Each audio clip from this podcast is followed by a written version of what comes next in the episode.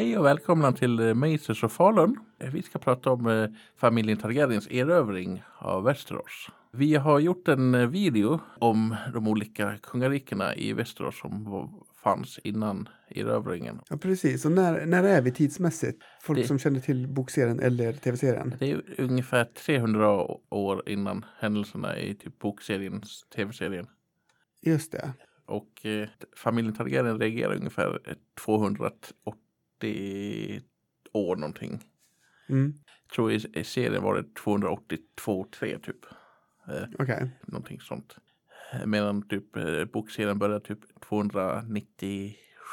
Just det. Och så är det på gång en, en till tv-serie I... om just familjen Targaryen. Ja, som utspelar sig under Drakarnas dans som var ett inbördeskrig inom familjen. Dit kommer vi kanske till, jag vet inte. Förmodligen så kommer vi ta upp det i framtiden. Vi kommer dela in det här i mindre små avsnitt. Så som sagt, familjen Targaryen bodde ju på ön Draksten. Inte så långt ifrån Västerås kust. Eh, och från början så var ju de en mäktig familj i Valyria. Det fanns draklådor. Det var en grupp adelsfamiljer in i Va- Valyria som hade drakar och sånt där. Även om familjen Targaryen var eh, lägre ner på eh, själva li- listan än jämfört med vissa andra. Inte en av de allra mäktigaste Nej. familjerna. Visst har vi pratat om, om uh, Valyrien, va? Ja, det har vi. Vi har ett avsnitt på det om jag kom, inte kommer ihåg helt fel. Nej, precis. Ja. Eh, och Valyria förstördes ju 400 år sedan. Innan händelserna i böckerna och tv-serien. Mm. I 12 år innan Valyrias förstörelse så var Einar Targaryen överhuvud för, för familjen. Och eh, hans dotter Eini, som man kommer ihåg rätt, hon fick en syn om undergången. Mm. Det verkar som att vissa familjemedlemmar och vissa valyrier i Valyrien hade typ någon drakdrömmar som de kallade det. Okej. Vilket att de fick någon typ syner om framtid och sånt där. Mm. Det är någonting som dyker upp i böckerna, ingenting de- har i serien vad jag kommer ihåg. Nej, precis. Som sagt, det är vissa i familjen som har, får sådana här drömmar om framtid och sånt där. Ja. Påminner lite grann om det här Wargs och det vi har pratat Ja. om tidigare. Bran har väl det, det i, Mm. det verkar som att det finns flera olika grupper eh, som faktiskt har den förmågan också. Mm. Och sen så han Einar tog sin familj och eh, flyttade till, till Draksten. Mm. Som var typ den mest västliga eh, utposten som Val- Valyria hade. Ja. En ö. Inte så långt ifrån Vä- Västerås Ja, precis. kust. På östra sidan där. Ja, 12 år senare så gick Valyria under i någon kataklysm. Ja, Eller Ragnarök eller vad man ja precis. Ja. vill kalla det. Vilket mer eller mindre ledde till typ vad man senare kallar blodets århundrade. Okej. Många draklorder dog i katastrofen. De som överlevde blev oftast dödade när de olika kolonierna gjorde uppror efteråt. Okej. Som valyrierna hade liksom Det- förslavat? Eller? Ja, Mm. så det var vissa förutom Targaryen som överlevde sin, den första katastrofen. Men det var egentligen bara själva hemlandet Valyrien som gick under. Mm. De olika andra ställena de hade tagit över, de fria städerna blev ju kontrollerade av Valyria. Men de draklådor som fanns där blev ju mer eller mindre typ dödade av när befolkningen gjorde uppror. Okej. Det, faktiskt, det var ju två andra familjer som följde med Targaryens. Familjen Velyrien och Celtigar. Man ser dem inte i själva tv-serien än så länge.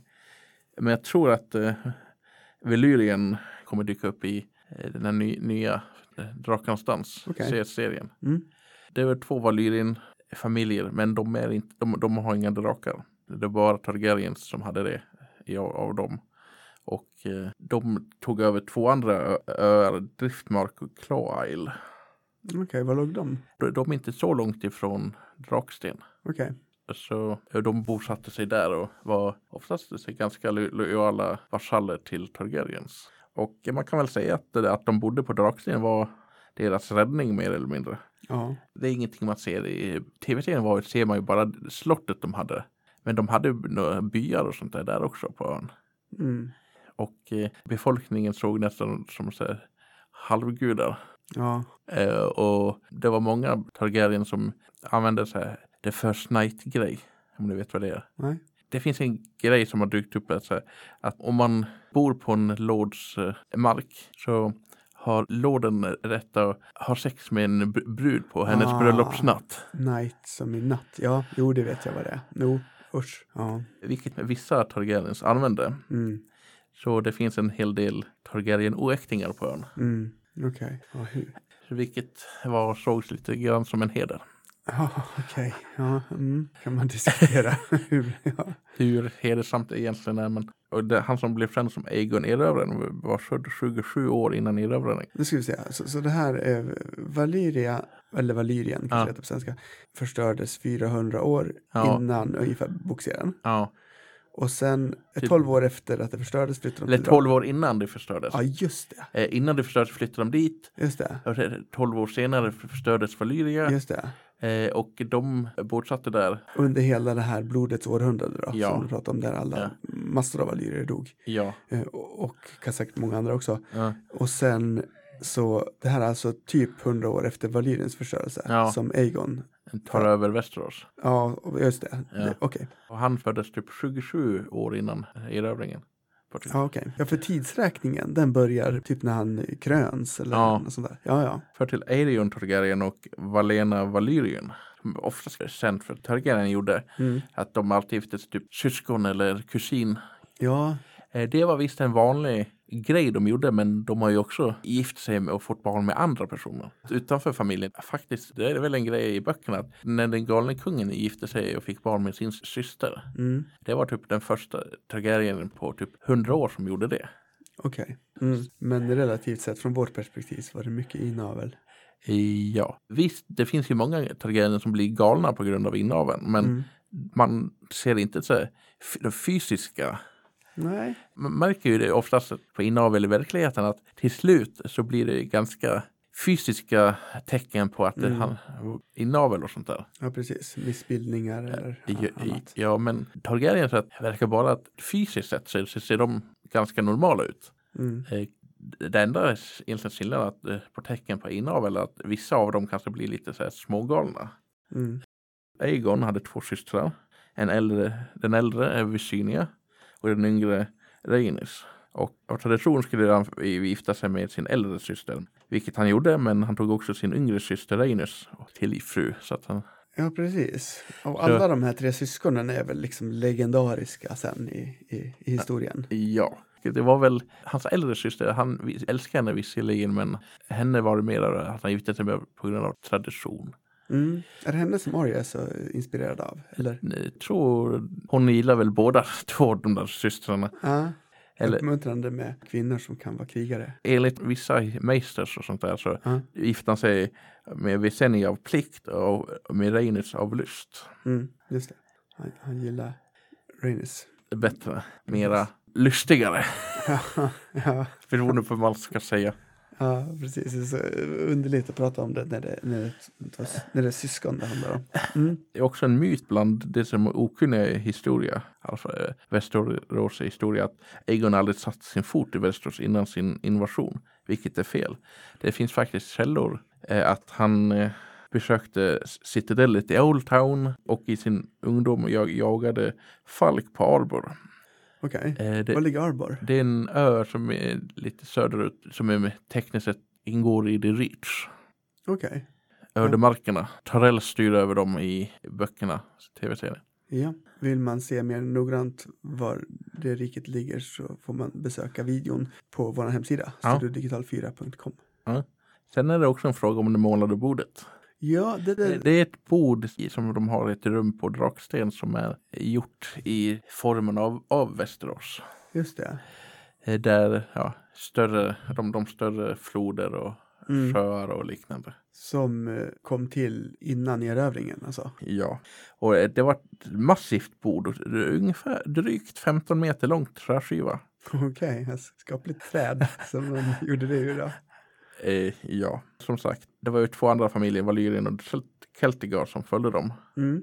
Och de var, var, var ganska mäktiga och också blev mäktiga allierade till Targaryens under deras. Mm. Och de är ju fortfarande kvar i böckerna. Okej. tidsperiod. Så. Och Visinia var ju äldst av syskonen. Eh, Hon var lika framstående krigare som hennes bror Aegon. Och hon passade lika bra i typ ringbrynningar som i siden. Okej. Och hon hade det valyriska långsvärdet Mörksyster, eller Dark Sister. Det finns en viss tendens att olika svärd och vapen de har har namn. Mm, det tycker jag om. Det, det, det här är väl också mer grej i böckerna och sånt där. Att valyrier, de har ett specifikt utseende. Mm, Att de oftast har silverhår. mm, Och det här är också en grej i böckerna, inte i tv-serien, att de har eh, violetta ögon. Eller vad heter det? ja, någon sorts lila.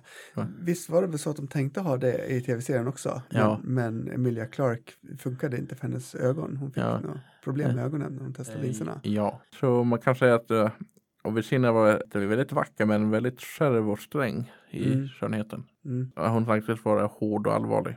Och Reinus som var yngst var olikt hennes äldre syster. Hon var mer lik, le, lekfull, nyfiken, im- impulsiv och uppfinningsrik. Hon var ingen krigare utan älskade dans och poesi och sånt där. Och det, men det var hon som var den, den som var mest uppe på draken av syskonen. Okej. Alla tre hade eh, sin egen drake. Mm. Och henne som Aegon gifte sig med av kärlek. Ja, och Aegon själv ansågs lite grann lika stor gåta för sin samtid som för oss. Okej. Eller eh, för den nutida. Det var ju så då när böckerna utspelar sig. Ja. Mm. Han har räknats som en av sin tids främsta krigare med sitt svärd Svartfyr. Men han fann ingenting nöje att hantera vapen och deltog inte i några turneringar. Han red sin drake i Balerion, men bara i krig eller när, när han hade bråttom över land och hav. Hans pondus och auktoritet fick många att flockas till honom. Men han hade inga nära vänner förutom sin barndomsvän Orus. Just det. Och det är Orus Baratheon. Ja, Där kommer familjen Baratheon in liksom. ja. Och det, det är väl, det sägs att eh, Orus Baratheon var en Aegons halvbror. Mm. En oäkting. Mm. Inledningen till erövringen var att eh, kung Argilak av Stormlandet kände sig hotad och erbjöd sin dotters hand och ett visst landområde till Aegon. Men eftersom Aegon redan var gift eh, Mm.